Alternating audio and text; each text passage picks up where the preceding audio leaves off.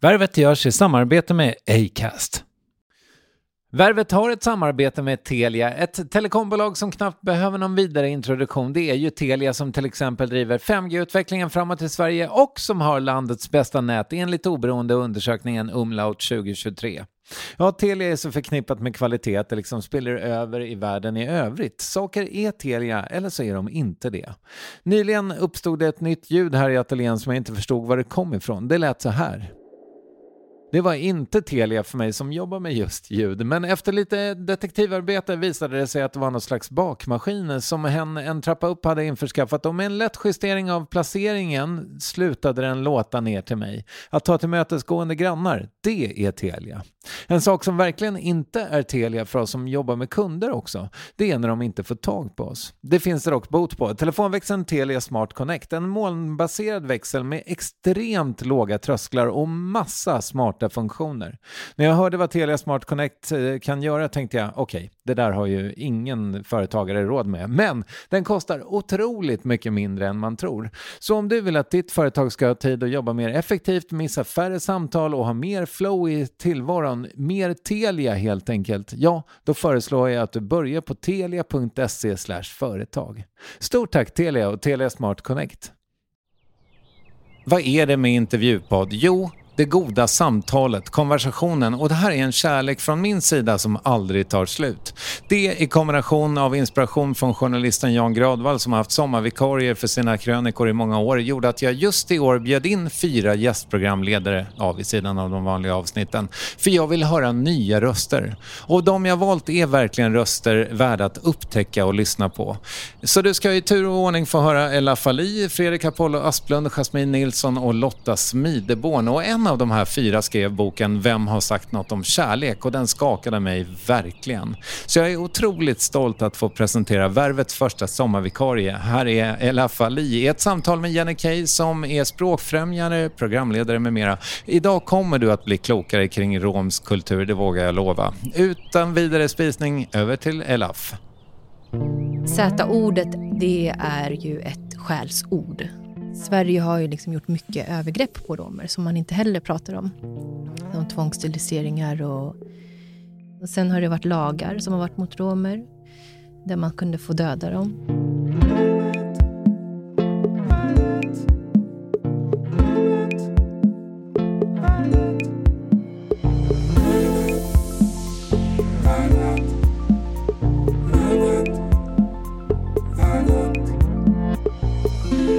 Sommaren 2022 blev ett mord på en mamma väldigt uppmärksammat i Sverige. Uppståndelsen handlade bland annat om att hennes egna söner misstänks för att ha begått mordet. Mamman och sönerna har romsk bakgrund och det sägs att det ska ha spelat roll. Idag ska vi prata om det. Hur kunde det bli så här? Var det ett undantagsfall? Eller kan vi förvänta oss fler liknande mord i framtiden? Men vi ska också prata om en hel del annat. Vad vet vi egentligen om romer och romsk kultur? I Sverige är det en av fem erkända nationella minoriteter. För att lära oss mer har jag idag med mig en gäst som själv är rom och ser på kulturen och det inträffade med både svenska och romska ögon. Vi lärde känna varandra 2018 när vi båda jobbade på SVT Nyheter. Välkommen hit Jenny Kay.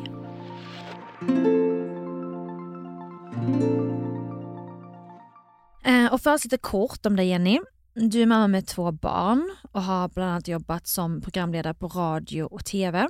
Både på SVT Nyheter och på SVT Minoritet där du hade ett program som heter Jenny möter. Nu jobbar du på en myndighet med inriktning på nationella språk och ditt fokus är det romska språket. Jag ska också säga att du är här idag som dig själv och inte representant för någon myndighet eller organisation. Det stämmer.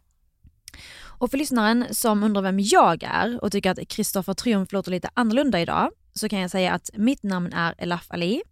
Jag är journalist, författare, föreläsare och redaktör med mera. Jag har synts i underhållningsprogrammet EFS, Invandrare för svenskar och våren 2021 så släppte jag min debutbok Vem har sagt något om kärlek? som handlar om min uppväxt och frigörelse från hedersförtryck. Kvinnans frihet är centralt i mitt liv och kommer alltid vara något som jag kommer upplysa om och kämpa för. Så fokus idag kommer att ligga på kvinnan i ett romskt samhälle och hur det ser ut för dem i Sverige, gamla som unga. Vi är nog många som besitter många fördomar, men inte lika mycket kunskap när det kommer till romer. Så Jenny, jag tänker att vi sätter igång. Mm. Um, det finns cirka 20 miljoner romer i världen och eh, romerna kom redan på 1500-talet i Sverige. Mm. Och ni är ju inte en enda stor hom homogen grupp. Um, hur många olika romska grupper finns det och vad skiljer de åt? Ja, ja, det är en stor fråga. Men, eh, ja, men precis. I Sverige så har vi väldigt många olika romska grupper. Och eh, om, om jag ska svara rakt på frågan så är det så här. Eh, det finns romer från, mycket, många romer från Balkan, det är många eh, romer från alltså Europa eh, i Sverige och eh, finska romer finns här. Vi har en grupp som heter resande romer. Eh, jag själv identifierar mig som svensk rom. Alltså det är så blandat med romer i Sverige. Mm. Men vad eh, skiljer de åt? Vad de skiljer sig åt, det är ju så här, det du var inne på, det är att vi, vi har väldigt mycket olikheter kring språket. Eh, romska språket är ju något som är, så det är det generella språket och har en, vi har en gemensam grund i det. Men det skiljer sig i dialekter.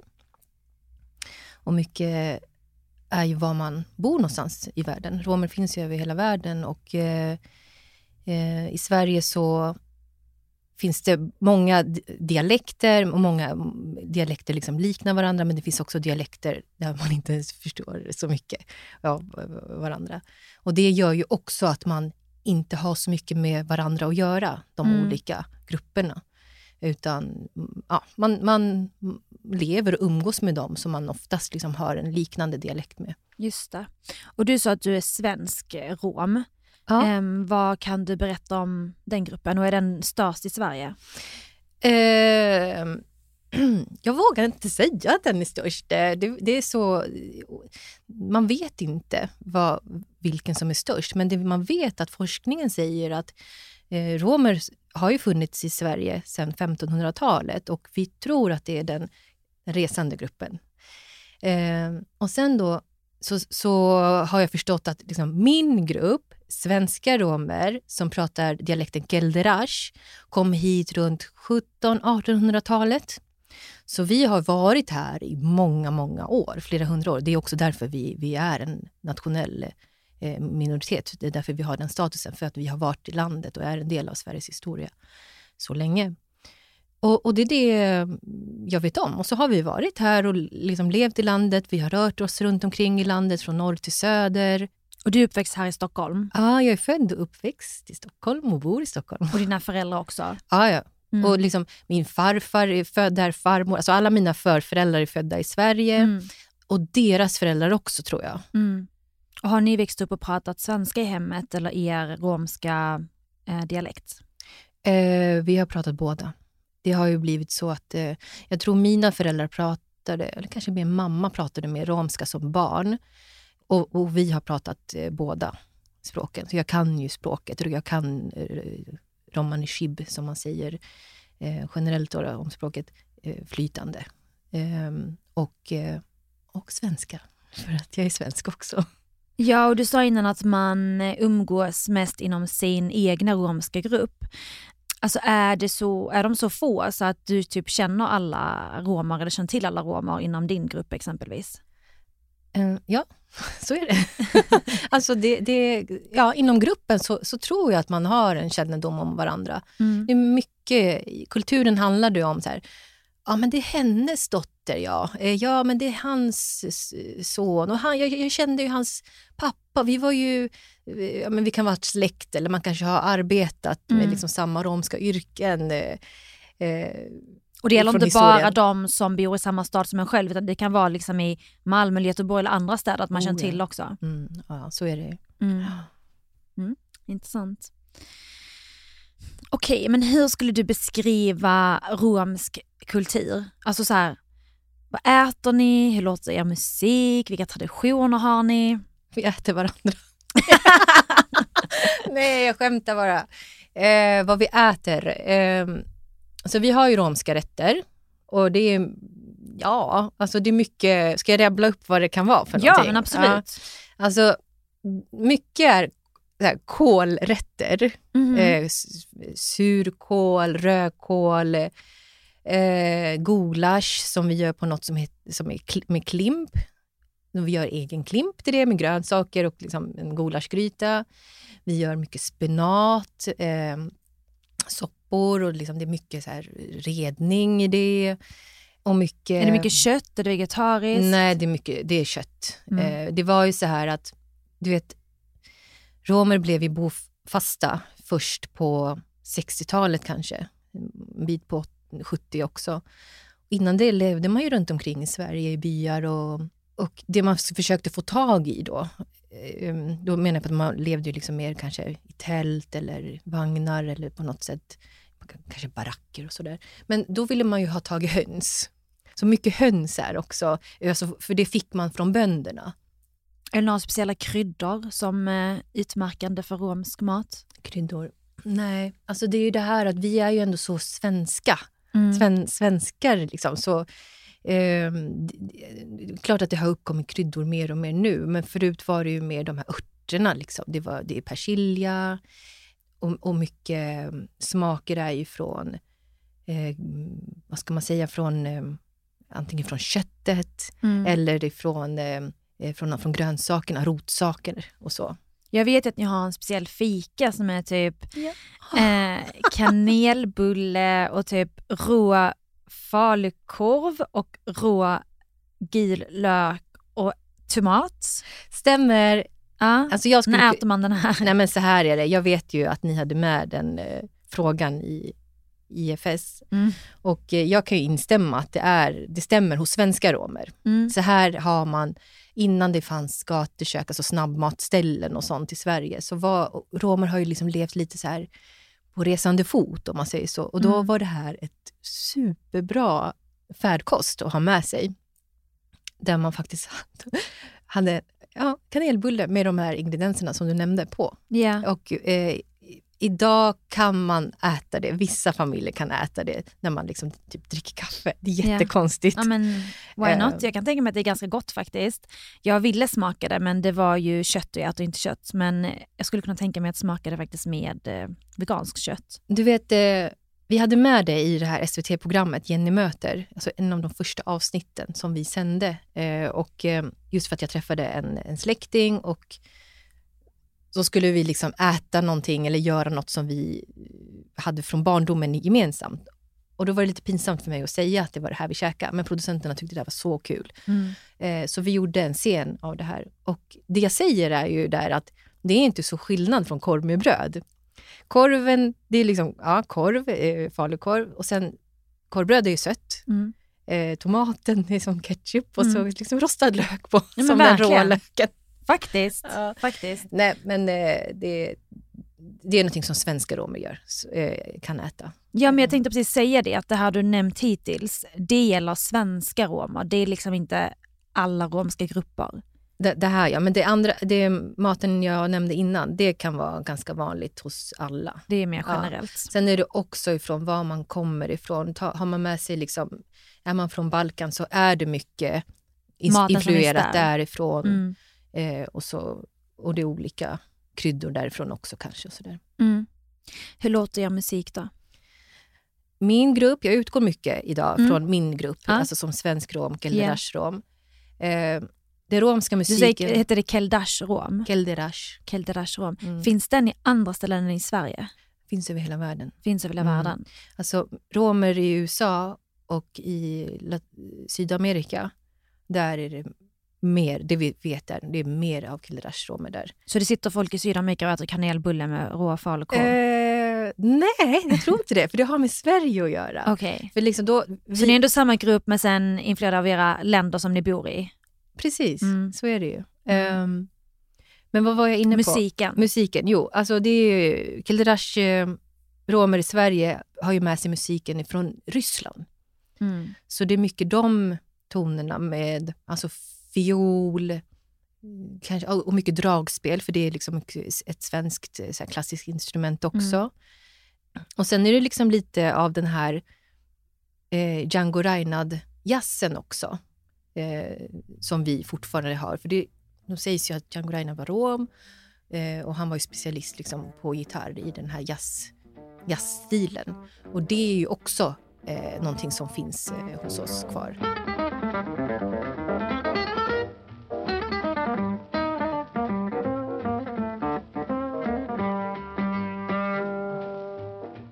tycker att Melodifestivalen ska ha en, eh, alltså en romsk låt med faktiskt. Det hade varit Mm. kul. Ja, jag har funderat på det mycket. Inte jag själv, men ja. Mm. Det, det hoppas man på att det kommer fler romer eh, som är med i sådana sammanhang också. För, Mm. för eh, om vi ska fortsätta i det spåret så har romer en enorm musikalitet. Eh, som, alltså det är någonting man ärver nästan. Eh, och eh, jag tycker att, eh, jag skulle önska att man såg mer romer eh, som kommer, alltså, som syns i, i liksom det musikaliska och liksom artisteri eh, världen faktiskt. Mm. Och vilka traditioner har ni? Vad firar du för liksom romska traditioner här i Sverige? Alltså, det finns ju... Det är så här. Jag identifierar mig mycket som svensk och som rom. Alltså de romska traditionerna, det är ju mycket... Alltså det är bröllop. Det vi firar är ju liksom de kristna högs- högtiderna som, så, som man firar i Sverige. Men något som kanske skiljer sig, liksom, som är mer mot det romska, det är mer så bröllop. ehm, Ja, att de, är, de alltså- ser annorlunda ut än de svenska bröllopen. Ja, eller? precis. Och det är liksom kanske lite mer oftare bröllop och så. Mm. Eh, vad kan det vara mer? Vad firar vi mer? Vad gör vi mer? Ja, men alltså, många svenska romer man liksom tillhör liksom pingströrelsen, pingstkyrkan, man går till kyrkan. Jag ser det som en, som det är en del av kulturen, om Mm. man säger så. Vi Eh, kanske ska säga det, för att när vi pratade innan om romska grupperna så är ju de allra flesta kristna, stämmer det? Så om vi pratar igenom Sverige så är många kristna, eh, romer kristna i Sverige, absolut. Men det är eh, många romer som kommer från Balkan. Där vet jag många som är muslimer. Och de som är kristna tillhör nästan uteslutande pingstförsamlingen. Många, ja. Mm. Mm. Ehm, och vad ska jag berätta mer för, för traditioner? Ehm, alltså, det är mycket det här att umgås med familjen. Eh, det är liksom viktigt att eh, eh, ta hand om sina äldre. Hälsa, alltså, man liksom gå och ta hand om de äldre, är med de äldre och liksom umgås och så. Umgås med familjen skulle jag säga är eh, en tradition nästan. Mm. Så, men ah, sen sådana här mer specifika saker vi gör, det är liksom, vi svenska romer gör det man gör i Sverige. Ni äter svensk eh, liksom, traditionsmat på påsk och På jul och sådär, midsommarafton, Och midsommar. Ja. Och det här märkte jag liksom, ju äldre jag blev, hur jag insåg också sådär. men, Så jag levde också ett liv där eh, jag inte umgick så mycket med liksom, i det romska. Och då insåg jag så här, ja, men hur svensk jag verkligen var. För eh, när vi har, eller firar påsk, jul eller vad det är, midsommar, så är det liksom det är romsk mat och det är svensk mat med köttbullar, lax och liksom julskinkan och, och så. Så vi, det är mycket liksom dubbelt i allt vi gör. Och liksom älskar att lyssna på dansbandsmusik. Eh, liksom svenska romer och dansband, eh, det är jättevanligt. Hur är ett romskt bröllop då? Eh, ett romskt bröllop handlar ju om att eh, först och främst börjar man ju med att liksom en killes familj måste gå och, vad säger man, begära hand till den här flickan. Då då. Och det kan man göra på olika sätt. Antingen kan man göra en lite större festlighet eller att man går liksom lite mer personligt hem till de här föräldrarna. Eh, så den egentliga traditionen är ju att man tar med sig en lite mat, eh, och har med sig faktiskt en, en eh, det ska vara en dyrare liksom, whiskyflaska. Mm. Och runt den flaskan så trär man ett halsband som förhoppningsvis då flickan ska få. Och Det är liksom den som man ställer på bordet som en symbol att det här är liksom det här dyrgripen om man säger så. Och förlovningsfesten är ju då så här att ja, man, mm, man är där. Liksom. Det är fa- familjer och, och släkt. Och samtidigt då så, så, ja, så ska ju flickan då få säga ja eller nej. Mm. Och blir det ja, eh, då blir det ännu mer festlighet och de här, det här paret blir förlovad och får liksom då eh, planera sitt bröllop och eh, ja, om man säger så här, få umgås eh, faktiskt mer fritt. Just För det är ju det vi har, att vi... Man får inte dejta så man mycket får innan inte dejta, precis, vilket Nej. är lite, lite intressant. Ehm, och eh, sen när det blir bröllop, då blir det ju liksom ännu större och det blir släkt från när och fjärran som kommer och det håller i två dagar. Mm. Ehm, för sen dagen efter, då är det liksom eh, för bröllopsdagen, alltså bröllopet gör ju liksom pojkens föräldrar och betalar för. Dagen, Brukar det vara nära in på eh, förlovningen?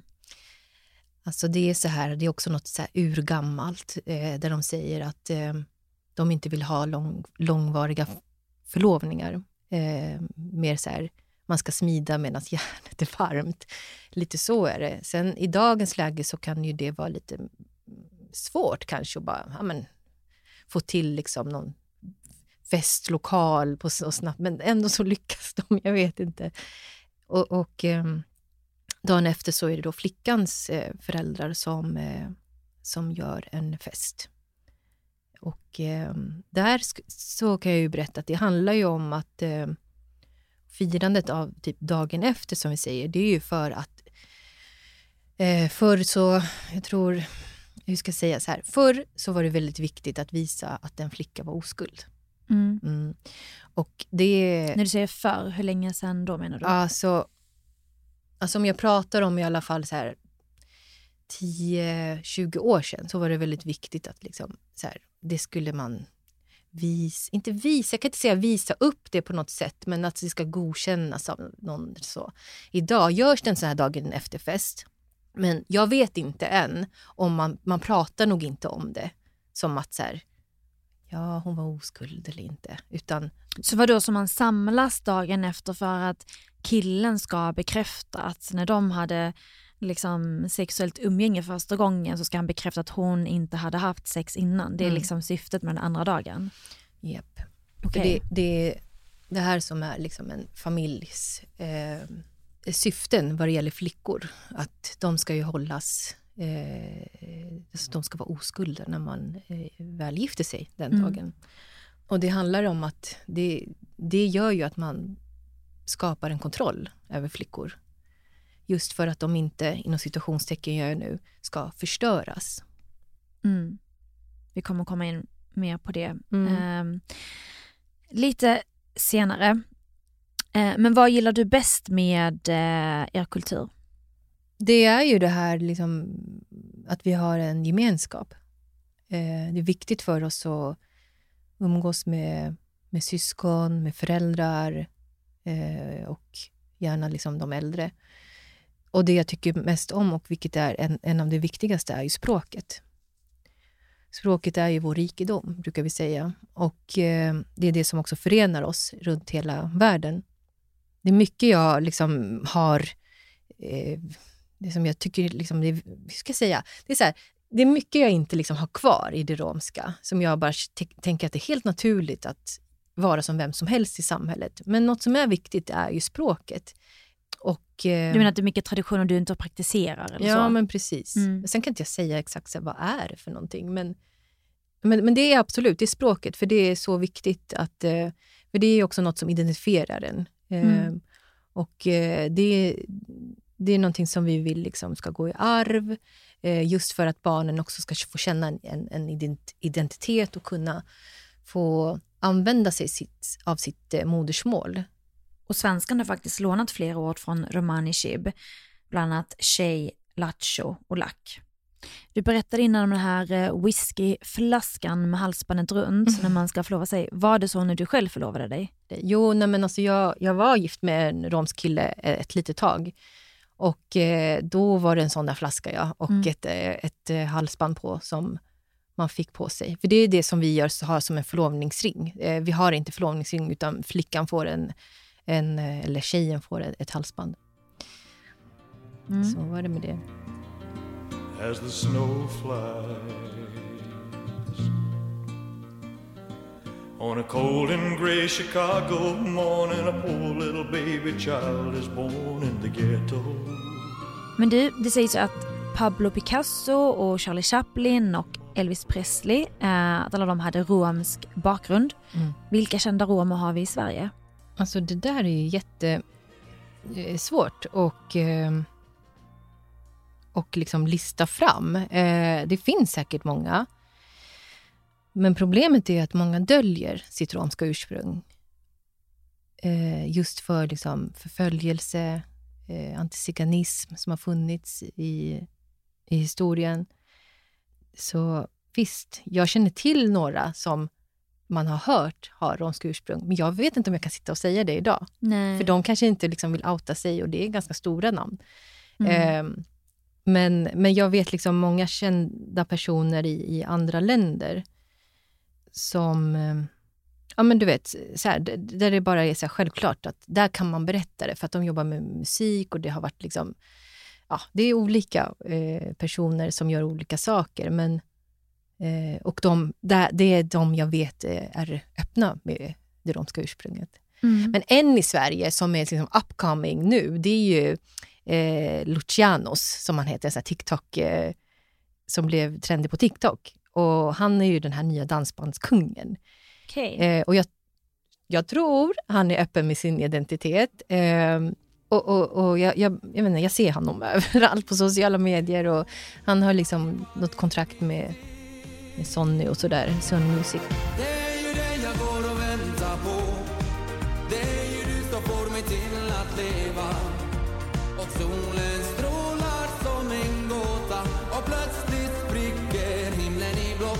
Men varför tror du att det är så få som öppnar med sin bakgrund, alltså fortfarande idag, 2023? Mm. Jag ska bara säga att, du vet när jag jobbade som, eh, inom media, så har eh, det var jätteviktigt för oss att hitta förebilder och ha folk med oss i olika tv-program som medverkande och eh, personer som kan bara berätta sin story. Och det här var ett problem för att vi hittade bra personer, intressanta, intressanta personer, men de döljde sitt eh, romska ursprung och ville inte liksom vara med. Och varför det är så här, det är ju för att eh, man är rädd att det är så mycket eh, förutfattade meningar man är rädd att förlora någonting. Man är rädd att kanske förlora en arbets, ett arbete. Eh, man är rädd att... Jag, vet, jag kände en, eh, en, eh, en känd kock som eh, jag vill intervjua och han sa sen, men Jenny, jag är precis på gång att skriva liksom, ett avtal för en, en kockbok och så där. Jag kan inte vara med i något så romskt sammanhang för att jag är, då kanske det inte blir av någonting.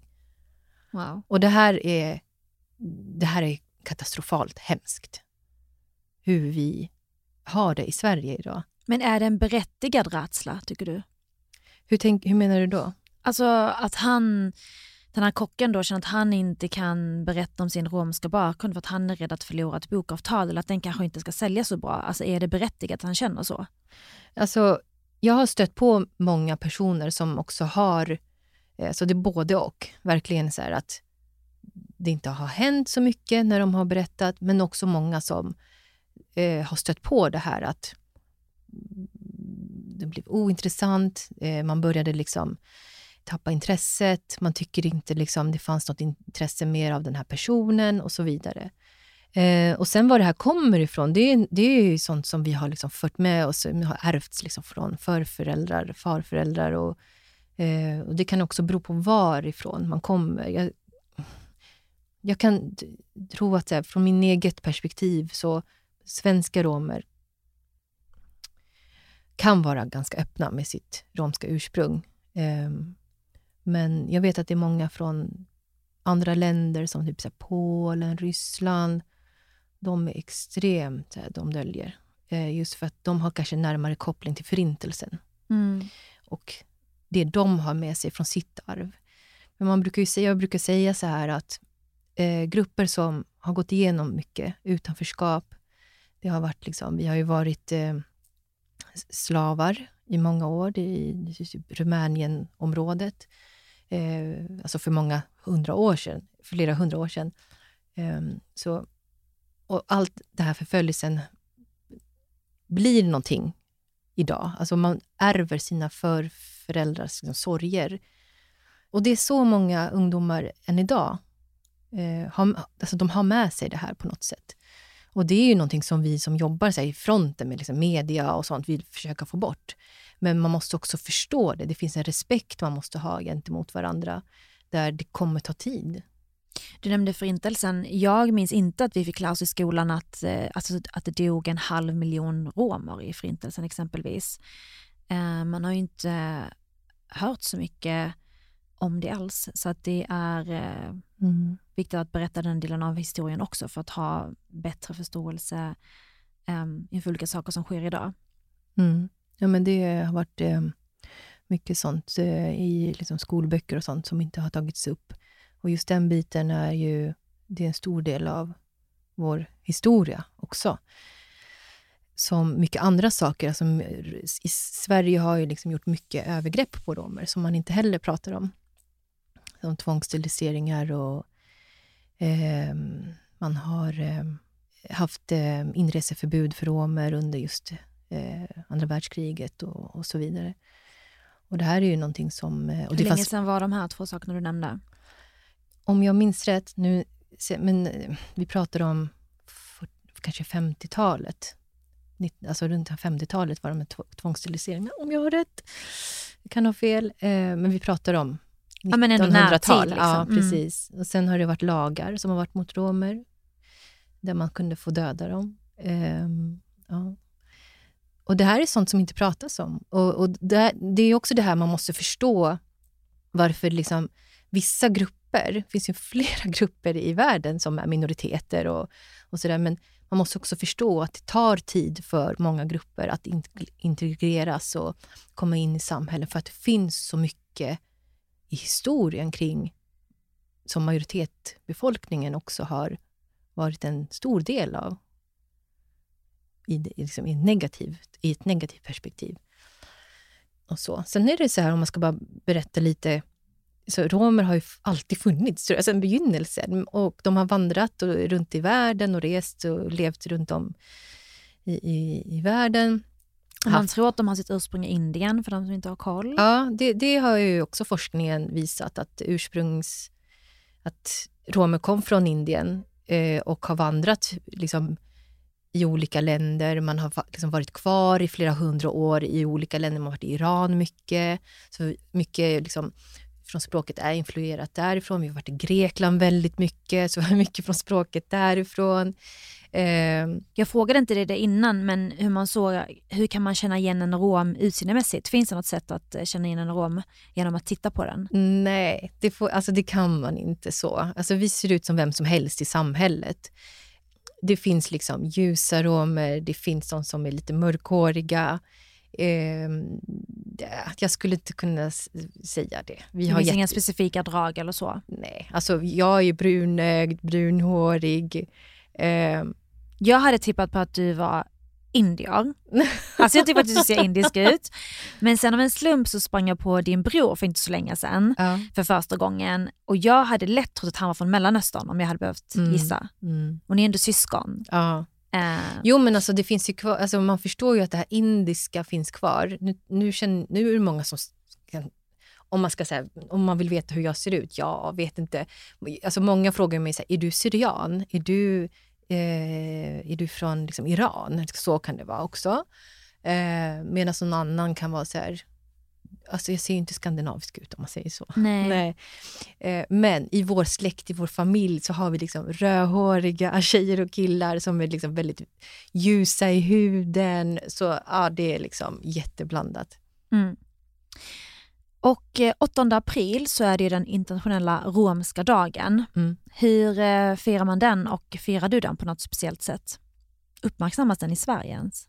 Ja, absolut. Alltså, det är ju ett av de programmen jag eh, ledde på SVT.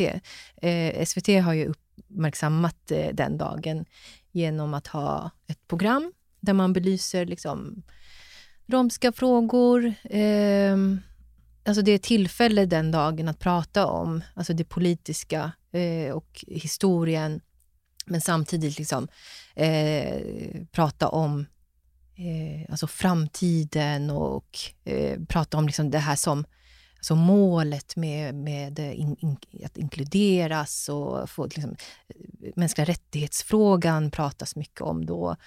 Eh, men samtidigt firande, för att vi firar dagen för att då, vad är det, 1971 blev vi romerna liksom en nation. Man fick en flagga, eh, en hymn valdes ut, Gilem Gilem. Och pratar vi då för alla romska grupper worldwide? Mm, ja, Okej. och, och, det här hände i London 1971. Så, så det är liksom en hyllning, så vi firar ju också för att vi liksom blev en nation. Ehm, och att vi liksom har en flagga, det är liksom nytt. Alltså så. Ehm, Vilka färger är den flaggan? den har blå och sen är det eh, grönt under och, sen, och ett rött vagnshjul i mitten som symboliserar vagnshjulet och liksom romernas vandring eh, runt världen. Så jag skulle säga att vi är liksom världsmedborgare. Och eh, nu säger vi ju romer och för mig är det väldigt självklart att man säger det. Men eh, det har ju använts liksom olika namn eh, Eh, och säkert också görs fortfarande på vissa håll. Men vad får man kalla och inte kalla romer och varför? Ehm, så här är det, att eh, romer är ju någonting som vi säger i Sverige. Ehm, och det finns olika tolkningar i andra länder också. Eh, Roma people eller liksom Romani people och så vidare. Ehm, vi själva nämner oss rom. Så Mesim rom, jag är rom. Så det är bara självklart att det ska heta så. Vi har ju hetat något annat eh, som folk har kallat oss, liksom, nu säger jag som rakt ut, man har kallat oss för zigenare. Mm. Vi har också själva nämnt oss som zigenare, för det är Mm. ju så majoriteten eh, har nämnt oss, i alla fall här i Sverige. Ja, vi hade en EFS-panelist som sa det i säsong ett om sig själv också. Ja, och det är också intressant eh, hur... Eh, så det här begreppet ändrades ju... Om, om jag förstår rätt så kanske det ändrades när vi, blev liksom nationell, när vi fick nationell minoritetsstatus runt år 2000. Eh, att, att vi ska få benämningen romer. Och så, det har ju tagit tid för gruppen också att, att eh, ta till sig det. Eh, men idag så, så borde vi veta bättre. Eh, och, och vi som jobbar med frågan, för oss är det liksom självklart. Och Z-ordet, det är ju ett skällsord. Så är det. Det går inte liksom att fina till, alltså så här, finslipa det på något sätt. Och, eh, och man kan liksom förstå att som, det finns ju andra grupper som använder, liksom, där det också är så här liknande som eh, namn som används för andra grupper, som man också sett, så här, ja, men gruppen själva använder det här namnet, eh, så då är det typ okej. Och jag tycker inte det är okej. Nej. Alltså, så. Eh, Nej precis, alltså jag personligen använder ju aldrig blatte om mig själv eller svartskalle. Alltså jag Mm. gör inte det, det har aldrig liksom kommit naturligt för mig så att jag skulle aldrig säga det. Sen vet jag att det finns andra med utländsk bakgrund som säger det om sig själva och då är jag så här, ja ja, men sen så det som händer då att då kommer ju andra utifrån som inte själva har den bakgrunden som också säger det för att de hör att den gruppen säger det. Så det kan ju bli en effekt eh, av att gruppen använder ord som man egentligen inte är okej med att andra mm, använder heller. mm. Eh, jag vill inte bli beskriven så exempelvis. Eh, men Nej. det här då Z-ordet som, man, som du säger, är det motsvarande gypsy på engelska? Ja, exakt.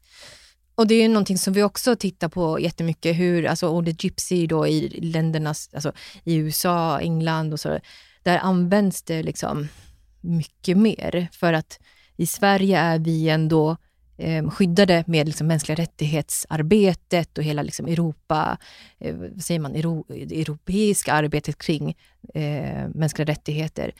I USA är de inte där än. Eh, så gypsy används mycket eh, fortfarande i, i de länderna och det används väldigt mycket liksom, i fashion industry för att liksom, locka till ja, man vill vara unik på något sätt och förknippa liksom, gypsy som något eh, svävande, romantiserande, egensinnigt eh, och sådär spiritual, liksom så. Eh, och det blir ju en helt befängd eh, synsätt på, på oss romer där man tror att vi är folk som bor i liksom skogar och eldar. Och du så jag har sett så mycket olika exempel så det är sjukt. Jag var i en varuhuskedja för några dagar sedan och såg att en parfym hette Gypsy, Gypsy Water. water. Exakt. Ja. Mm. Um, så det verk, och jag tror inte den skulle kallas zigenare vatten på svenska. Så vi verkar vara mer okej okay med att använda engelska ord, att vi inte förstår att det har samma innebörd, att det är motsvarigheten. Liksom. Ja, jag har faktiskt pratat eh, mycket med ägaren av företaget och har dialog med honom, i, haft dialog med, med honom i, i tre år nu om det här. Eh, och eh, eh, det är kanske på gång att det ändras. Eh, vi får se hur det blir, men det har varit mm. många diskussioner.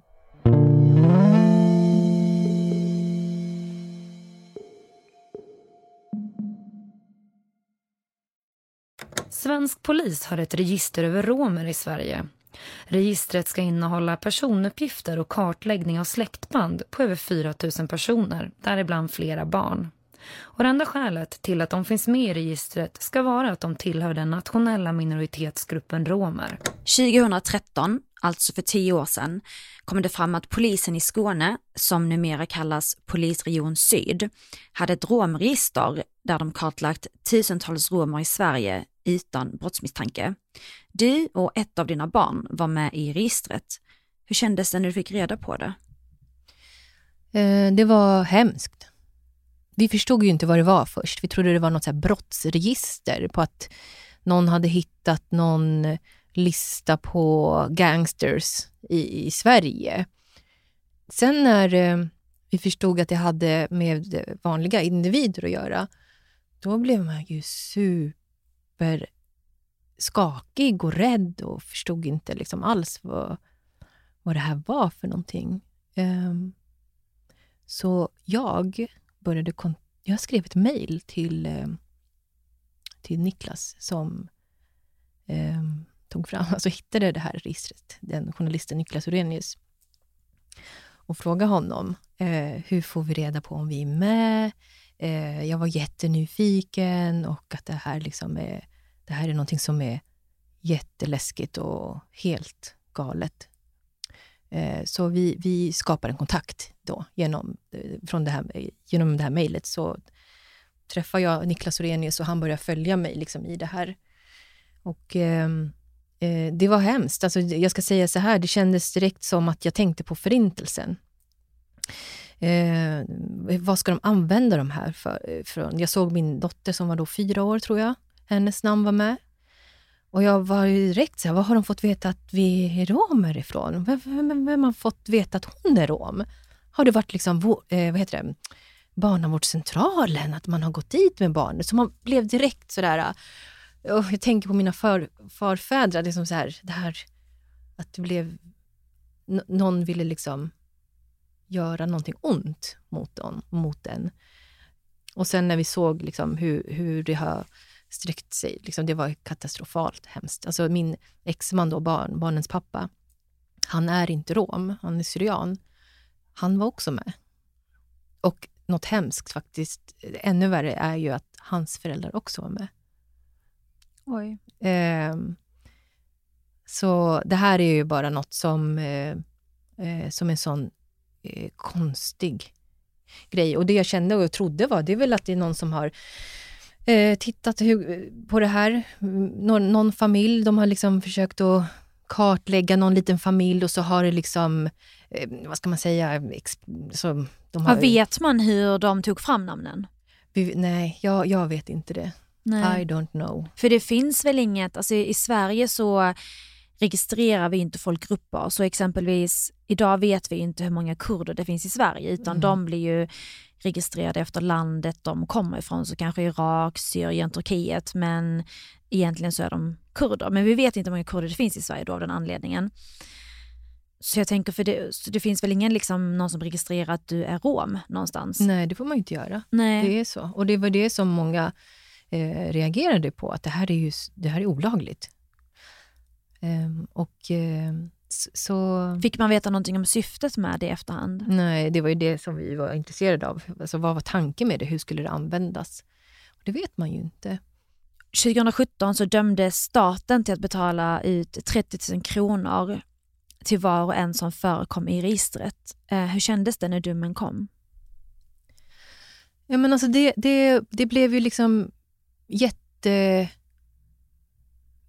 Två känslor var det direkt. För, för, först att det var så här, självklart. Det här är ju liksom eh, alltså, en av de största brotten sta, Sveriges stat har gjort. Men samtidigt så kändes det som att det var smutsiga pengar. Så kändes det.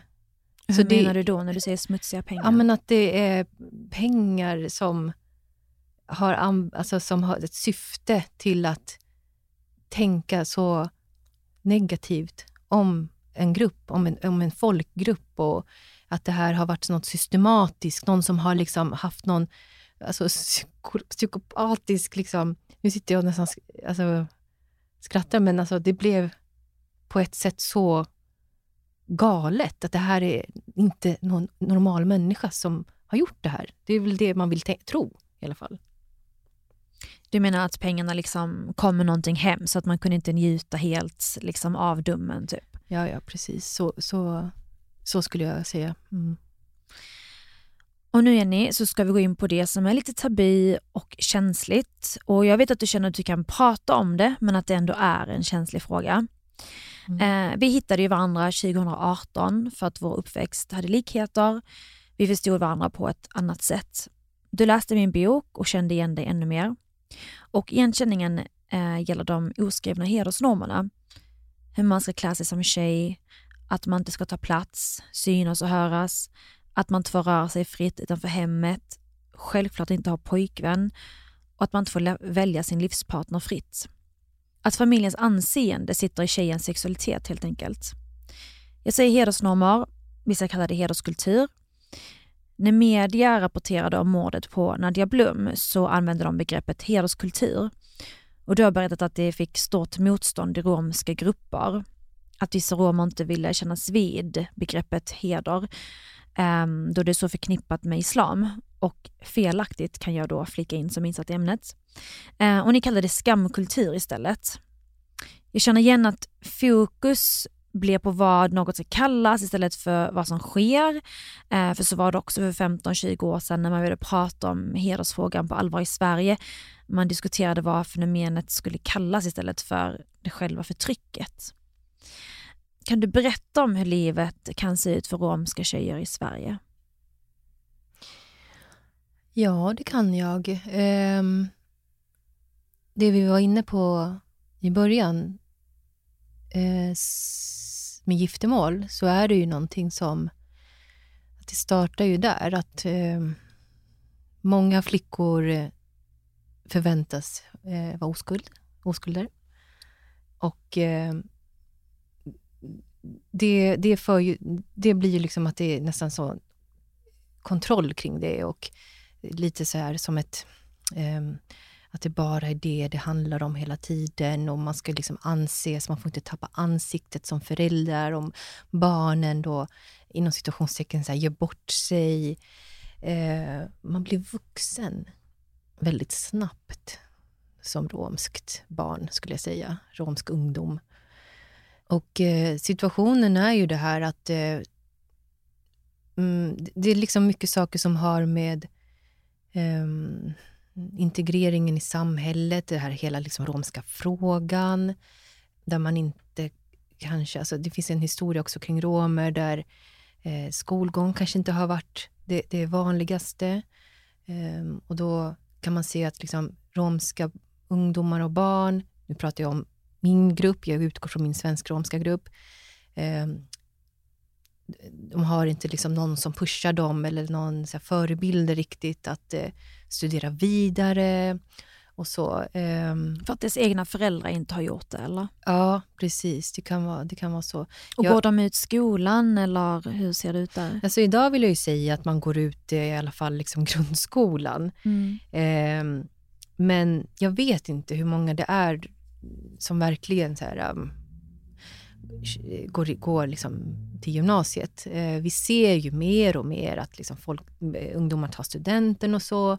Men jag tror att det är många som inte gör det. Mm. Eh, just för att det inte finns den här typen av stöttning kring eh, varför man ska ha det här liksom, utbildningen och att det kan ge dig frihet och, och kunna liksom skapa dig ett eget liv. Och vad händer efter nian då med de här tjejerna då? Ja, alltså vad, vad, vad, ska jag säga, vad gör de? Det är så tråkigt att, att tro att de är bara hemma. Eh, men oftast så blir det liksom att man, in, man försöker väl liksom leta jobb och så. Eh, man vill liksom in på arbetsmarknaden direkt. För det har jag liksom förstått att liksom folk vill ju jobba. Alltså bara, ungdomarna vill ju ut i yrkeslivet och, och så. Men, men, men det är också en grej som händer alltså, alla kids där ute när man är liksom från 16, 17 och 18, att man blir liksom, man håller på att bli vuxen och vanligtvis så kanske man flyttar hemifrån som svensk när man är 18, 19. Men eh, det får man ju inte göra i, i, i liksom vår kultur. Du måste ju liksom gifta dig. Och då kan det bli det liksom är primära målet. Och det är någonting som förväntas också om det är en tjej som, som vill ha träffat en snubbe och vill gifta sig så är det liksom en fin sak. Så. Mm. Det är ju inte så att, nej men herregud, det ska du inte göra och tänk på pappa, liksom att det... Så, um... Tvärtom, utan då har de lyckats och eh, ju yngre desto bättre för då mm, förhindrar man att eh, tjejen samlar på sig ett dåligt rykte som går ut över familjen. Ja, alltså det är väl det man vill liksom undvika. Att, liksom, att, att eh, flickorna ska liksom inte få dåliga rykten. Um, och då kan det resultera till att det, att det blir liksom giftermål istället. Nu säger jag inte att det är liksom så tidiga giftermål som 15-16-åringar. Liksom man gift, alltså det är så här, från 18 år så så gifta. Men jag tycker det är tidigt. Jag tycker de är ändå barn då. Mm. Eh, men eh, det är någonting som blir... Eh, ett, det blir ett stopp där också. Ehm, för när man gifter sig så är du ju ändå inte liksom så att du, du blir självständig, utan du gifter in dig i en annan familj. Och då blir det de nya liksom, svärföräldrarna, nu pratar jag från en flickas perspektiv, som, som styr där och liksom och, och då handlar det om familjen. Det, liksom man ska, det är det här urgamla, liksom, att man ska ta hand om sin familj, man och sen blir det ju jättevanligt att det blir barn snabbt då, efter ett tag. Och då är det det man koncentrerar sig på i många år. Och, och vi säger så hela ens 20-årsperiod kan gå åt att, att du är en wifey och du är liksom eh, småbarnsförälder och eh, ja, men så här, kanske har lite tankar till att liksom jobba på något sätt eh, och försöker liksom söka jobb. Det, nu bara generaliserar jag, liksom så, men eftersom det är inte många jag hör som eh, liksom, går ut gymnasiet och vidareutbildar sig. Eller liksom. Jag har hört att många blir som hembiträden i sina nya familjer efter de har gift sig.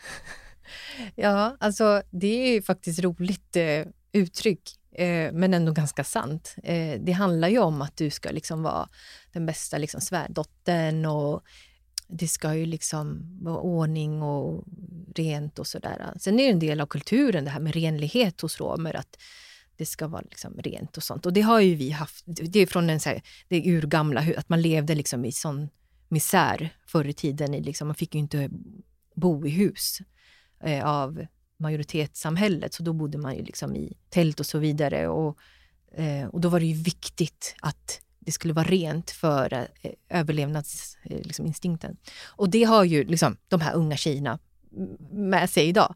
Eh, och att det ska vara eh, viktigt att, liksom, att ta hand om huset. Så är det ju. Och jag hörde också att, eh, att då sen när barnen kommer så brukar eh, mormon gå in eh, och eh, hjälpa till att ta hand om barnen, vilket gör att de då, eftersom det här också sker i ung ålder, att de kan bli, så här, bli mormor och farmor liksom i 40-årsåldern.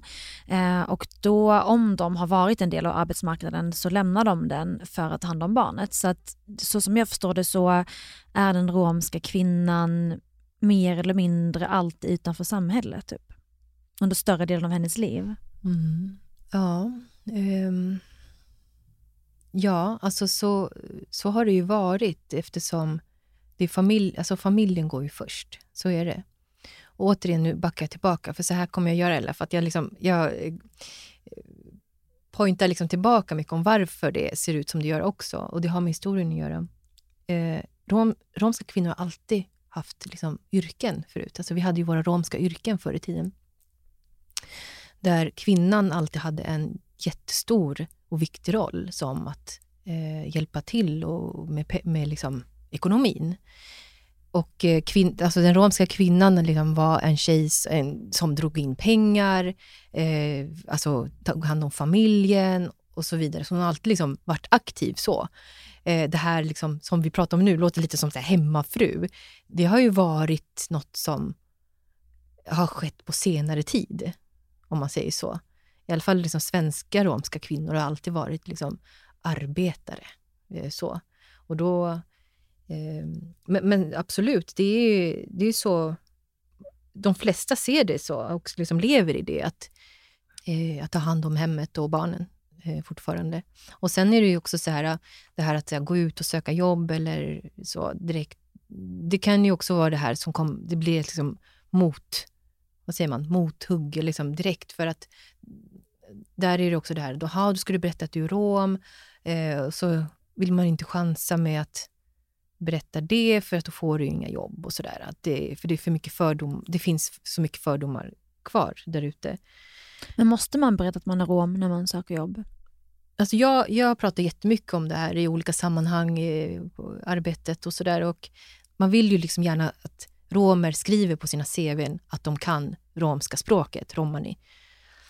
Just för att det är ju en sån... Eh, alltså det är en statushöjd, det är status. Vi vill ju liksom att det ska bli ett språk av status, av hög status. Och självklart så är det ju så många tänker, så här, ska jag säga att jag är rom eller inte? Det kanske inte är så relevant att man berättar om sitt ursprung. Och det kan ju liksom ske med vem som helst. Men det, det är jättesvårt att och liksom, eh, så här bara sätta fingret på det. Det är jättemånga kvinnor som vill ut och jobba och så, men de får inte möjligheten. För de har inte så mycket erfarenhet, de har inte så långa CVn och så. Ehm, Mm. ja. I humorprogrammet EFS som jag är redaktör för så hade vi en fråga som gällde romsk klädsel. Eh, och vi skojade om att de stora sammetskjolarna, att kvinnor bär dem för att man inte kan få plats med en snudd TV i ett par byxor. Varför bär romska kvinnor kjol? För att det är svårt att få plats med en stulen tv i ett par jeans. Eh, men om vi ska vara seriösa, vad är den riktiga anledningen till att man sällan ser romska kvinnor bära byxor? Eh, men det, det där är en del av kulturen, faktiskt. Att eh, en romsk kvinna, från min kultur i alla fall, eller min, min, eh, de, min, del, min grupp, inte får ha byxor. Eh, och sen då, om vi ska prata om finska romer, så har ju, eh, när man blir vuxen, så ska man gärna ha den här liksom lite större svarta sammetskjolen. Eh, I min grupp så eh, är det så här, när du gifter dig, då ska, kom, då ska du ha kjol. Eh, och då pratar jag om en vanlig, liksom, det räcker med en vanlig pennkjol som går, i alla fall ska täcka liksom, under knät i alla fall. Och det här är någonting som har ärvts. Vi, alltså så här, det är jättedjupt rotat hos eh, våra kvinnor. Där man inte förstår att eh, alltså det är liksom ett klädtvång, skulle jag säga mer. Eh, för att det, i min grupp så är det det här med den här pennkjolen till exempel, då, kan vara olika färger. Eh, så, så är det ju, det är, så, det är ingen som frågasätter varför man inte har, för det är inget val om man säger så, utan du måste ha den. För det här är något som eh, blir så, alltså att ha en byxa på sig eller en kort kortare kjol, en kort kort kjol, det blir så tabu. Det blir liksom, du får inte visa det. Allt som har med det, typ, den undre delen av kroppen att göra är liksom så skamfyllt nästan. Så, Och när du säger undre delen så menar du området runt ens underliv och könsorgan. ja men typ på benen och sådär va. Ehm, Ja. Sen har, vi det, har det ju blivit lite så här släppt. Alltså vi har ju inte det här jätte vi kan ju se ut som vem som helst i samhället. Man kan ju ha tuffa liksom, lin, linnen, tuff, alltså vi får ju visa liksom, axlar och, och, och liksom, ja, så... Det går framåt, ja. men du menar att... Men kjolen är sån, sån kultur, där liksom kvinnorna också vill ha det. Alltså de är såhär, nej men vi har, vi har kjol på oss och sådär. Och vadå byxor? Men det har man inte, det tänker man ju bort totalt. Och anledningen är då alltså att byxorna sägs visa ja, men, kvinnans...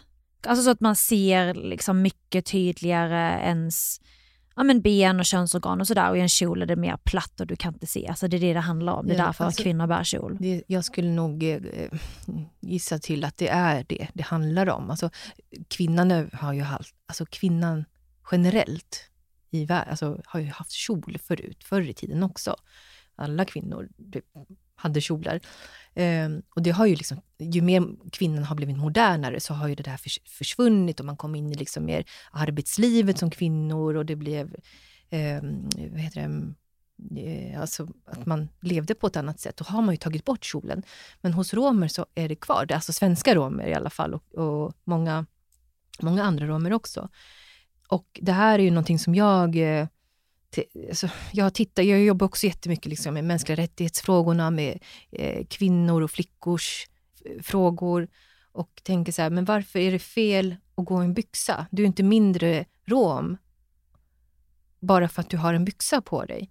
Men det blir så laddat. Alltså det här är så djuprotat och eh, är du i ett rum, kommer in med en byxa, eh, då skäms de här personerna som ser dig. Och, och jag, jag, jag skäms också. Du som bär menar ja, du? precis. Nu tog jag som, som, som om det vore jag. Eh, och det här liksom tar, det här är liksom ett process att ta bort. Och, för det är liksom en nakenhet, om man säger så. Så man, man förstår, men jag förstår, men jag, för, jag, förstår, jag förstår inte. Eh, jag förstår inte heller varför det är så här. Eh, men det tar väl sin tid. Liksom. Och när du pratar om det här inom din grupp med andra romer, känner du att, eh, att det finns ett önskemål av dem att, att, att liksom slippa kjolen eller ifrågasätter de inte ens den? Eller liksom, hur går snacket bland andra romer? Mm. Eh, det är det, precis som du sa där, att eh, man pratar inte om det så mycket. Man tänker inte på det som flicka eller tjej, kvinna det är en del av liksom kulturen. Det har med liksom din kvinnlighet att göra. Det är mycket så här, ja, man är liksom... Det tillhör liksom kvinn, kvinnligheten. Men det, diskussioner som är, det är så att vi kommer in i samhället på mer och mer och man, flicktjejer får jobb och jobbar där ute. och då blir det mer så här, det finns en typ av kod som man har knäckt. Det är ju det här att ja, men jag jobbar ju, så jag har ju liksom jobb, jobb, byxor där jag jobbar och jag kommer och går från och till jobbet med byxor. För det har många tjejer berättat om. Så här, men jag bryr mig inte om vi träffar på romer på vägen liksom hem, hem och till jobbet. Men det blir liksom ett sätt där, där är du med romerna och du är liksom medvetet att du kommer träffa romer så tar man ju på sig en kjol. Växte att, du upp och bar kjol under din uppväxt? Ja, Ja, det blev så. Eh, och, eh, och speciellt eh, så var det så att, som jag sa, så är mina barns pappa inte rom, utan jag gjorde ett liksom, medvetet val att inte gifta mig med en romsk kille. Och, eh, och då blev det ju ännu viktigare för mig att ta del, alltså att, att eh, hålla kvar kulturen på något sätt.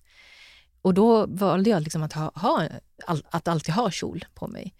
Eh, för det blir ju också så här, när en tjej väljer eh, en icke-rom, eh, då blir hon lite sådär, hur ska man säga, ut, utesluten. Alltså man har ju sett, så här, som barn så såg man ju tjejer som var gifta med liksom, andra eh, men de kom själva på fester, de kom liksom själva när det var saker som liksom för fest, alltså eh, födelsedagar och sånt. Um, och um, någon typ av ut, utstötthet då. Och jag ville ju liksom göra något så tvärtom. Jag ville inkludera honom och han var med på fester och han började liksom, liksom prata lite av det romska språket också. Men, men kjolen var ju något jätteviktigt för mig, för det var ju liksom den romska identiteten någonstans. och respekten för det här med äldre och liksom pappa och sådana saker. Eh, När bar du byxor första gången? det, jag jobbar på det eh, typ nu. alltså det är efter, eh, eh, för ungefär sex år sedan, sex, sju år, eh, fem, sex år sedan, efter min skilsmässa, så eh, började jag faktiskt att tänka lite annorlunda. Och även en person som mig som tänker med mänskliga rättigheter, jobbar med det, så, så det, liksom, jag är ju också en av de drabbade om man säger så, där det fortfarande finns något skamligt i det och, och så. Um, men, Och du är 40, jag blir 41. 41 Ja, eller jag och- är 41. eh, Så det var året. liksom efter 35-årsåldern som du började bära byxor för första gången? Mm, mm. Wow. Och jobbar ju med det, liksom, jag jobbar ju mycket med romer och så, eh, där det är både män och kvinnor och sådär.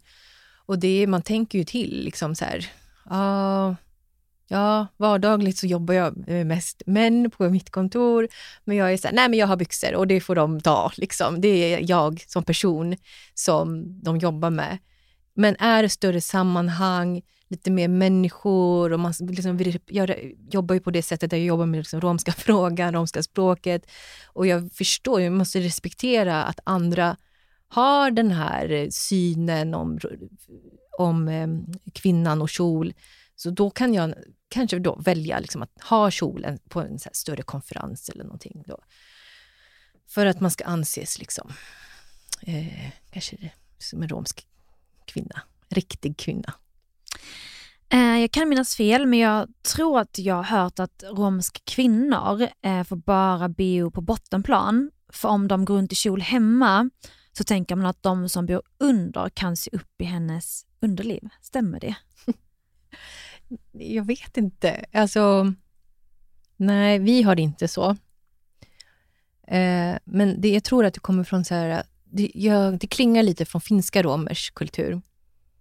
Och det är frågan, så här, vad är det man tänker och vad är det liksom så här, ja, allt det här med könet och allting är ju smutsigt. Så det blir liksom, det, det har nog med det att göra. Sen vet inte jag om det är någonting som, att man har de tankarna fortfarande än idag. Eller om det är något gammalt. Det vill man tro att det är gammalt. Och varför är de här frågorna så känsliga att prata om eh, fortfarande?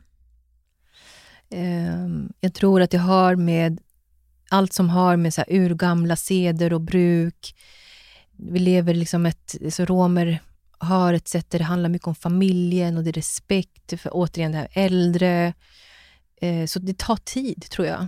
Det, vi, det finns en annan grupp, alltså de jag kan prata om är ju de, många romer från Balkan. Eh, Jag känner väldigt många därifrån som bor i, liksom på olika platser här i Sverige. Den gruppen har tagit bort kjolen för länge, länge sedan. Eh, De går i byxor, de, de romska kvinnorna från Balkan. Och- Och har liksom en liten annan livsstil. Skulle du säga att balkanromer är den romska grupp som integrerats bäst in i Sverige? Ja, det skulle jag kunna säga. Mm, absolut. Och med, just med utbildningar också.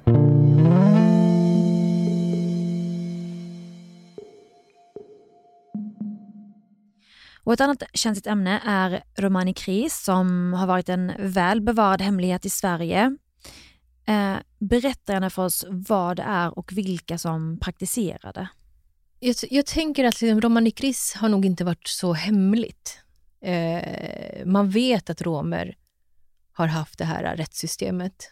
Och eh, jag kan ju säga så här att min grupp, svenska romer, kilderash romer, har praktiserat den. Så jag känner liksom att jag äger ordet också, att kunna prata om det här. Ehm, och ska kunna liksom svara på så många frågor som möjligt. Det handl- var det kommer ifrån, det här är ju någonting som romer har använt sig av för att kunna klara sig där ute. Man har vandrat, som jag sa tidigare till dig, man har vandrat, rest runt över hela världen. Man har varit liksom en minoritet hela tiden, man har kommit från land, åkt från land till land. Majoriteten vet inte vad det här folket är för något, de pratar ett konstigt språk. Eh, och de liksom... Förr så var det mer spektakulärt, alltså man hade ju liksom lite speciellare liksom kläder och, och, och man såg väl liksom när det kom romer. Ehm, och man kommer ju aldrig in i samhället på det sättet. Och samtidigt så, alltså romsk gris var ju någonting man var tvungen att ha för att behålla gruppen. För det här har ju varit våra förfäders, liksom, den politiken förfäderna hade var ju behåll gruppen och vi ska behålla språket. Det var det viktigaste.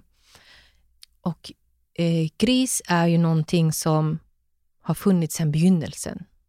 Så, för att vi fick ju aldrig ta del av rättigheterna i de länder vi eh, reste i och bodde i. Därför var vi tvungna att liksom skapa ett eget rättssystem som många gånger faktiskt var bra då. Och för att komma till en kris, alltså typ en rättegång, det, är, det var ju ingenting som hände liksom så varannan vecka. Utan som jag sa det här i början, att det var, kulturen handlar om eh, gemenskap och familjen är viktig och så. Så det var mycket medlingar först. Alltså man medlade mellan liksom familjer, det kanske var ett par som hade liksom äktenskapsproblem. Och då liksom är familjen där och liksom ska stötta. Det kanske kom någon liksom också utifrån som ja, skulle försöka, man vill liksom hindra liksom skilsmässor och, eh, eh, och försöka liksom hjälpa eh, de familjerna som hade problem och sådär. Gris kunde hända, alltså det är så här, gris blev till när man inte kom någon vart i, i såna här familjära medlingar. Och det kunde hända alltså, någon gång per år kunde det bli liksom en större rättegång där det kom liksom folk från kanske typ andra trakter eller någonting för att lyssna och höra. Och det här har ju varit väldigt viktigt, också en sån del av romska kulturen, att den här samhörigheten som många pratar om också, det har ju varit viktigt att liksom folket ska höra vad som händer. Folket liksom måste eh, det, det, behöver liksom spridas om vad som händer, om det blir liksom en skilsmässa eller någon gifter sig eller vad det nu kan vara. Liksom. Någon, om någon dör så är det liksom, det, man måste liksom, det här måste ju spridas helt enkelt. Så, så har ju tanken alltid varit. Så, och rättegångar, ja vad ska jag säga, det, det, det var ju någonting som romer, det, någonting romer har praktiserat liksom sen begynnelsen skulle jag säga. Alla grupper? Det är jättesvårt att svara på det. De flesta grupper tror jag. Sen, kan jag, sen har jag förstått att vi säger, om vi pratar om romerna från Balkan, de flesta säger att de inte gör det, eller inte haft det, men några säger att de, de gjorde det liksom förr i tiden. Så. Två bröder åtalas under torsdagen för att ha kört ihjäl sin egen mamma i Lundby på Hisingen i Göteborg i somras. Enligt åtalet så är det hedersmotiv som ligger bakom. Och om vi går in på nyhetshändelsen som gjorde att svenskar fick upp ögonen extra mycket för romer i Sverige. Eh, mordet på Nadia Blum sommaren 2022. Ehm, jag var hemma hos dig några dagar efter mordet och vi gick in på olika romska Facebookgrupper Eh, där ni båda var medlemmar och eh, såg Nadias videos som hon lagt upp i de här grupperna. Och i klippen eh, så berättar hon om sin nya kille och sin nya relation eh, för medlemmarna i den här gruppen. Hon livesänder då och berättar om det. Eh, varför behöver en romsk kvinna romska främlingars godkännande för att träffa en ny man? Jag skulle säga att det här är ju någonting som är väldigt olika individuellt, kan man väl säga. Det här fallet är jättekänsligt att prata om, eh, men vi måste liksom börja, börja prata. Eh, det är till det vanliga att man måste berätta för den närmaste gruppen varför man vill liksom skiljas. Och, och, om jag har förstått rätt så handlar det här fallet om den här familjen att det gick liksom väldigt snett eftersom hennes man, barnen, eh, pappan till barnen, satt, eh, han satt inne den här tiden. Och hon hade då, vad jag förstått, liksom hittat den här nya pojkvännen. Och det är det som liksom triggade allting. Att, liksom, hon hade inte skilt sig från barnens pappa rikt, alltså, alls. Och och det kom in en ny kar. Liksom så. Det var det som rörde till liksom, i familjen och de här liksom, liksom lite mer vuxna eh, barnen hon hade och sånt blev ju liksom lite irriterade på det. och eh, då var ju då de här medlingarna som gjordes först såhär, väldigt... såhär, varför ska du göra det här? Och, bababab. och hon var, vad jag förstod rätt eh, så var ju hon också ganska flitig på att göra såna här live-videos på sociala medier och berätta liksom vad, hur dåligt hon har haft det i det här förhållandet med barnens pappa och, och sådär. Men varför är det inte bara hennes ensak att hon vill träffa en annan man? Det har med kontroll att göra. Det här är jätteintressant att prata om, för det har ju med att alltså, du är inte riktigt fri. Eh, så, och det här, är, det här är också väldigt olika från familj till familj. Jag måste bara få säga att det finns ju också romska grupper som inte alls liksom sympatiserar med det här, rättegångar och, och allt det här. Vi pratar mycket om att det görs mycket live-videos på sociala medier. Eh, det är också någonting som, som väldigt få personer gör. Alltså, det är inte liksom det vanliga. Vanliga romerna gör inte så. Alltså det, ja, förlåt, för du tänkte kanske innan säga att Romanic Kris är Idag är det som typ livesändningar på Facebook där man alltså, livesänder ja, nu har i, i, i, Numera så har det urartat. Alltså, det finns inte riktigt sådär romanik gris som det var förr i tiden där det var liksom ganska så här, ja men jag eh, säger inte att något var normalt då heller men att det, eh, nu har det urartat, folk tar fram en liksom telefon, pratar i, i den här livesändningen, du vet i en timme i sträck och liksom kräker, kräks ut allt vad man tycker och tänker för att man har någon konflikt med någon annan. Liksom och sådär, va? Och, och det många gör då, om man är liksom, den här, för jag har förstått att den här familjen har ju liksom, de har varit liksom socialt eh, utsatta, alltså de har, haft liksom, de har levt i ett utanförskap. Det har varit liksom missbruk. Eh, om jag har förstått rätt eh, så har jag förstått att liksom socialtjänsten redan var inkopplad eh, i den här familjen och hade omhändertagit några av de här barnen och liksom ett, en av de här pojkarna har jag förstått liksom redan var på ett sånt HVB-hem. Eh, så... Det var speciella omständigheter och inte en typisk romsk familj? Är det du menar? Ja. Ehm, det... Men det är fortfarande så att en romsk kvinna, oavsett om det finns olika sorters problematik i familjen eller inte, eh, så får hon inte bara träffa en annan man och man använder de här Facebookgrupperna för att få någon sorts tillåtelse för att göra det. Eller... Alltså det beror på om du vill använda dig av Facebook så, så, så gör du det, men du kan också väldigt lätt hamna där om du inte Alltså, du behöver ju inte vara en sån här person som vågar eller vill prata liksom, för sociala medier, men det kan vara så lätt att hamna där. För att någon har börjat prata om dig i någon sån här grupp och då blir man ju liksom kanske liksom frustrerad, irriterad och börjar liksom kommentera tillbaka i en sån här eh, livesändning. Men generellt är, jag förstår vad du är ute efter, liksom att nej, man får inte liksom eh, göra sin egen skilsmässa om man säger så. Det måste ju liksom ske, alltså från, mannen ska höras, kvinnan ska höras.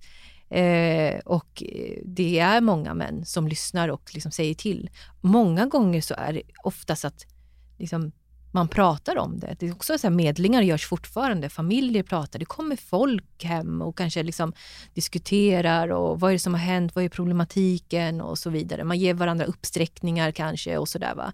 Sker inte det inom liksom en viss tid och sådär, då kanske det blir en sån här lite mer romsk rättegång. Men det är ganska ovanligt. Alltså, och om idag... man skiljs um, i svensk lag, det räknas ändå inte? Du vet, oftast är de inte gifta, borgerligt eller kyrkligt. Utan man är gift liksom med romsk kultur. Alltså man är bara sambo helt enkelt. Så... Men hur funkar det innan när du sa att eh, många av romarna är eh, pingst? Gifter man, gifter man inte sig i kyrkan då? Nej, det gör man ändå inte. Så det är också så här, äh, man kombinerar lite religion och... Eller man, man, man åt sid, alltså, gör det verkligen så här, vad säger man? Skiljer på Man religion. skiljer på religion och kulturen. Så det är intressant faktiskt. Eh, att många har inte, även om man liksom tillhör kyrkan så gifter man sig inte kyrkligt. Det finns de som har gjort det. Eh, så, men det är inte till det vanliga. Man gör liksom en, en fest i, i någon typ av liksom, lokal eller någonting. Tror du att vi kommer få se fler sådana här mord i Sverige? Det kommer vi inte se. På grund av att det har urartat, som jag kallar det för, allt det här med liksom det fina som fanns en gång i tiden med respekt. Liksom. Det är familjer och där familjer liksom pratar och försöker liksom ha sammanhållning, så har det här urartat i livesändningar.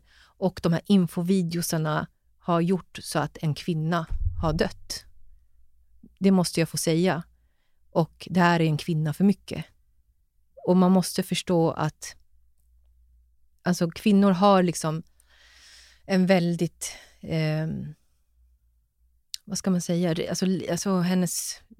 Låg rangordning? Ja, alltså det, det, är många män som liksom ska säga saker och som ska liksom prata eh, och försöka liksom att eh, eh, vägleda. Eh, så det krävs väldigt mycket mod. Det krävs en stark självkänsla hos en tjej, hos en kvinna för att verkligen bli fri. Vi har pratat om situationen, eh, hur den ser ut för romer i Sverige. Tror du att den alltid kommer se ut så här? Eh, nej, det tror jag inte. Det kommer ta tid. Sverige är ett av de främsta länderna som jobbar med mänskliga rättigheter och eh, kvinnors eh, rättigheter. Vi romer har hamnat utanför det spåret. Det är jag lite fundersam över och kanske lite irriterad på. Varför, har, varför missar man romerna i det här arbetet? När vi ändå arbetar så pass mycket med våra andra rättigheter, liksom det här med kulturen, språket, vi har liksom nationella minoritetsstatusen. Men man tänker inte på den mörka delen av kulturen som jag säger att vi faktiskt också har. Den måste vi inkludera ännu mer i vårt arbete med, eh, med, med den romska frågan. Så samhället behöver ju också förstå och fånga de här barnen. Vi pratar om både flickorna och pojkarna måste man fånga för att belysa om de här eh, synen på kvinnan, alltså för, liksom, få in det här liksom, jämställdheten. Man behöver liksom jobba med den här frågan väldigt tidigt hos romer. Vad kan Sverige göra för att förbättra situationen för romer och för romska tjejer och kvinnor? Debattera med oss. Eh, vi behöver liksom, samhället behöver titta mer på att det finns problematik som man måste faktiskt eh, ta hand om. Man kan inte titta på oss längre. Alltså vi, som vi säger, som vi har pratat om, vi vet, alltså alla har vetat att det har pågått eh, romska rättegångar liksom i urtider. Man vet att det har liksom varit så gift, tidiga giftermål. Och det är det som blir svårt när, man, när det är liksom mindre majoritetsgrupper som har starka kulturer. Då vågar man inte gå dit och peta. Just för att det är så här, ja, ja men det är de. De, de, de gör ju så. Ja men, men det är de. Och det får vi liksom sluta upp med. Som, alltså då menar jag som, i Sverige, som svenskt samhälle. Vi måste inkludera alla som lever i det här samhället efter de här normerna, de här lagarna som görs. För att leva i Sverige är ju liksom helt fantastiskt med allt som har med demokrati att göra, eh, rättigheter, mänskliga rättigheterna och faktiskt kvinnans roll i Sverige.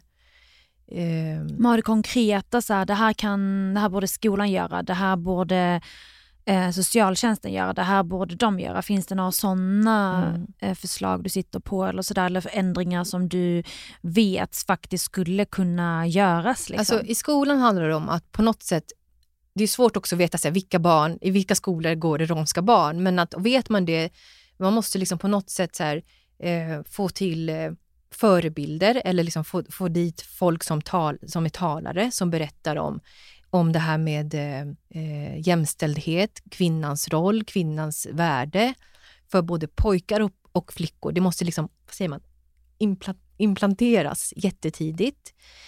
Och sen när vi pratar om liksom, när man kommer längre upp i skolåldern så behövs det också så tydliga och väldigt mycket personer runt omkring romska barn som pushar dem till, till, till studier. Man behöver syokonsulenter, man behöver liksom personer som berättar om vad det finns för yrken där ute För att många romer, romska kids där ute, de har inte de har inte det liksom i, i vardagen där de har släktingar som jobbar på olika arbetsplatser och förstår inte riktigt vad det finns för arbeten där ute mer än kanske eh, serviceyrken. Inom media så behöver vi jobba ännu mer med att, att prata om de här ämnena.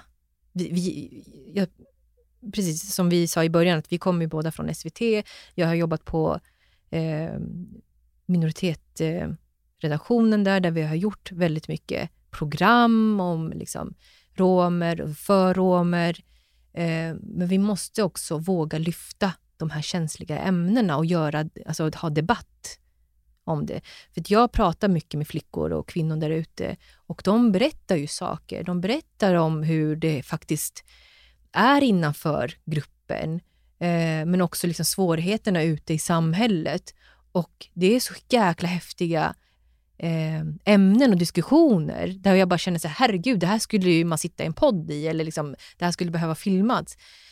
Så, så det är ju någonting. Vi, måste, vi kan inte bara ha det här, liksom, åh, kulturen är så fin med allt det här maten och, och roliga liksom, eh, liksom, kläder eller vad det nu kan vara. Eh, utan vi behöver liksom faktiskt eh, Våga prata om det prata som är mindre bra också. Mm. Och vad kan romerna själva göra för att förbättra sin situation i Sverige och i samhället? Um, alltså de måste ju, um, de måste faktiskt, um, som jag sa innan där, låta sina kids vara kids så länge de kan. Mång, alltså oftast är det ju att de hittar varandra själva och blir kära och man gifter sig för man är så kär och man vill liksom ligga. så, så, så måste man gifta sig. Och det är det som jag tycker, ja det är väl synd eh, med det men... Eh, man ja. borde tillåta mer normalisera och tillåta att få ha pojkvän och flickvän? Ja, alltså det är ju kanske ett mål, men, eh, eh och det är inte något farligt med det. Liksom, så. Men att, eh, att, att, att flickorna ska få vara fria. Att flickorna, så man måste ju tro på sina flickor, sina barn. Det är ingen fara att liksom träffa en kille och kanske liksom, vad ska man säga, det kanske blir liksom otur i kärlek. Alltså, det händer inte. Du blir liksom ett heartbroken ett tag, ja, som hos vilken annan tjej som helst. Eh, men det handlar ju om så mycket mer saker än, än det. Det är liksom, blir så mycket liksom runt omkring i familjen, det blir skam och hit och dit. Det vi gör mycket det är att vi involverar många andra när vi liksom pratar om våra ungdomar, våra barn i det sättet att det här, vi har kvar det här att man ska berätta om vad som händer och, och sånt. Och det tycker jag alltså, det måste bort. Liksom. Varje familj ska gärna ha liksom, sin grej. Man kan ha sina egna traditioner, man kan ha sina egna grejer. Men vi bryr oss för mycket om varandra. Mm. Så är så romska familjer. Och, och liksom, när de här ungdomarna, liksom, det känns som att de inte blir vuxna för dem. Om de gifter sig, som jag var inne på, så gifter de sig och jag vet inte om jag missade det eller sa det, de flyttar ju hem till pojkens föräldrar. Och det här är så här jättegammalmodigt tycker jag.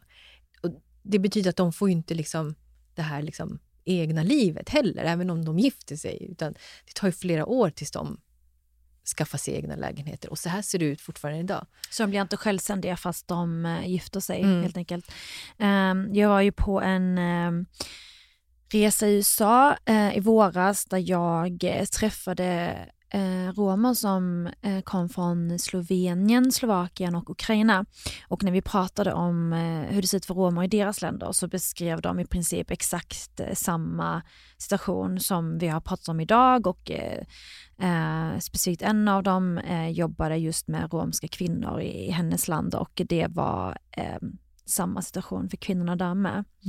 Mm. om du fick trolla idag och förändra en sak för romer, vad hade det varit? Alltså, jag vet inte ett riktigt svar. Så här. Jo, så här. Det handlar om att du förlorar inte din romska identitet bara för att du kommer in i samhället för att du inte har kjol eller för att liksom, eh, du umgås mer med icke-romer. Eh, man behöver liksom förlita sig på att om du vill så kan du verkligen lyckas där ute som rom. Och då, det är svårt att säga, eh, så här, att trolla. Ja, att vi liksom... Diskrimineringen försvinner. Att eh, romer blir liksom lätt... Alltså de får liksom mer in, inblick i liksom yrkeslivet, i utbildningar. Det finns så enormt, enormt fantastiska ungdomar där ute idag. Så man måste våga också eh, och ha drömmar. Du måste kunna nå dina drömmar och det gör du bara själv. Det är ingen annan som kan göra det åt dig. Det vi har pratat om idag, är det tabu att prata om det inom den romska gruppen? Kan du få problem av det? Um, det är mycket som vi har pratat om idag som det är tabu av. av. Uh, men uh, jag känner så här att uh, om vi inte börjar prata så kommer vi inte heller liksom kunna utvecklas. Vi, vi måste kunna se varandra i såna här sammanhang eh, där vi behöver liksom ställa frågor. Vi behöver liksom kunna svara på frågor. Och eh, Jag sitter på så mycket livserfarenhet där jag känner att eh, det, det, är min sanning jag berättar. Eh, och Det handlar inte om att man pratar om sitt folk, eh, det finns också en sån här liten gammal romsk grej att man inte ska prata om gruppen. Och det har inte med någonting i, i något negativt, alltså det behöver inte vara något negativt att man pratar om liksom, sin romska grupp. Eh, det har liksom med att det har också med den här överlevnadsinstinkten att göra. Man pratar inte om gruppen för att liksom, det är en överlevnadsgrej och sådär. Va? Och det är, det, det, det är för mycket av sånt i, i, i liksom, det sitter så djupt rotat i, i, i, i, kulturen, om man säger så, där det blir att vi inte pratar alls. Och då blir det så att majoriteten pratar om oss istället.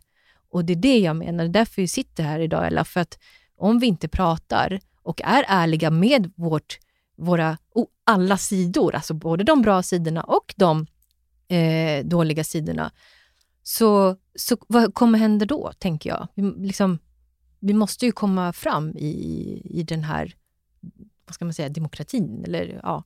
och då, för det handlar om att det finns ju mycket saker som, där vi behöver stärka de här romska flickorna. Nej men 100 procent, jag känner igen det där väldigt mycket. Alltså jag får ju meddelanden titt som tätt som säger att jag är en svikare och att jag inte är en riktig arab eller eh, så för att jag pratar om eh, vissa frågor och för mig så handlar det om om jag inte hade älskat min bakgrund då hade jag skitit i den. Då hade inte jag velat utveckla eh, och förändra och förbättra. Eh, det är därför jag engagerar mig, alltså för att jag bryr mig och jag kan tycka att svikarna är de som inte gör någonting, som bara sitter och låter liksom ett förtryck pågå och, och ser det framför sig och acceptera det. För mig är det att svika och att inte bry sig om och älska sin bakgrund. Eh, så jag tycker att det jag gör och det du gör och som du har gjort idag, alltså det är liksom riktig kärlek och det är vägen fram och det är bara det som kan leda till förändring och förbättring. Liksom. Eh, tack så jättemycket för att du kom hit, Jenny Kay. Det var så lite. Tack att jag fick komma. Och tack alla ni som lyssnat. Jag heter Laf Ali. Tack Kristoffer Trium för att jag fick låna din podd. Glad sommar.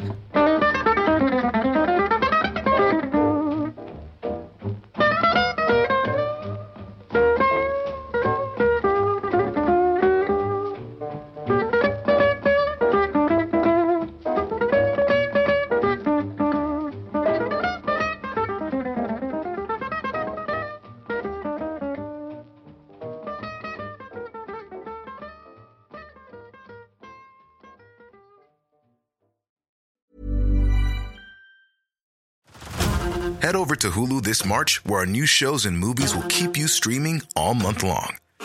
Catch the award winning movie Poor Things, starring Emma Stone, Mark Ruffalo, and Willem Dafoe. Check out the new documentary, Freaknik The Wildest Party Never Told, about the iconic Atlanta Street Party. And don't miss FX's Shogun, a reimagining of the epic tale, starring Anna Sawai. So, what are you waiting for? Go stream something new on Hulu.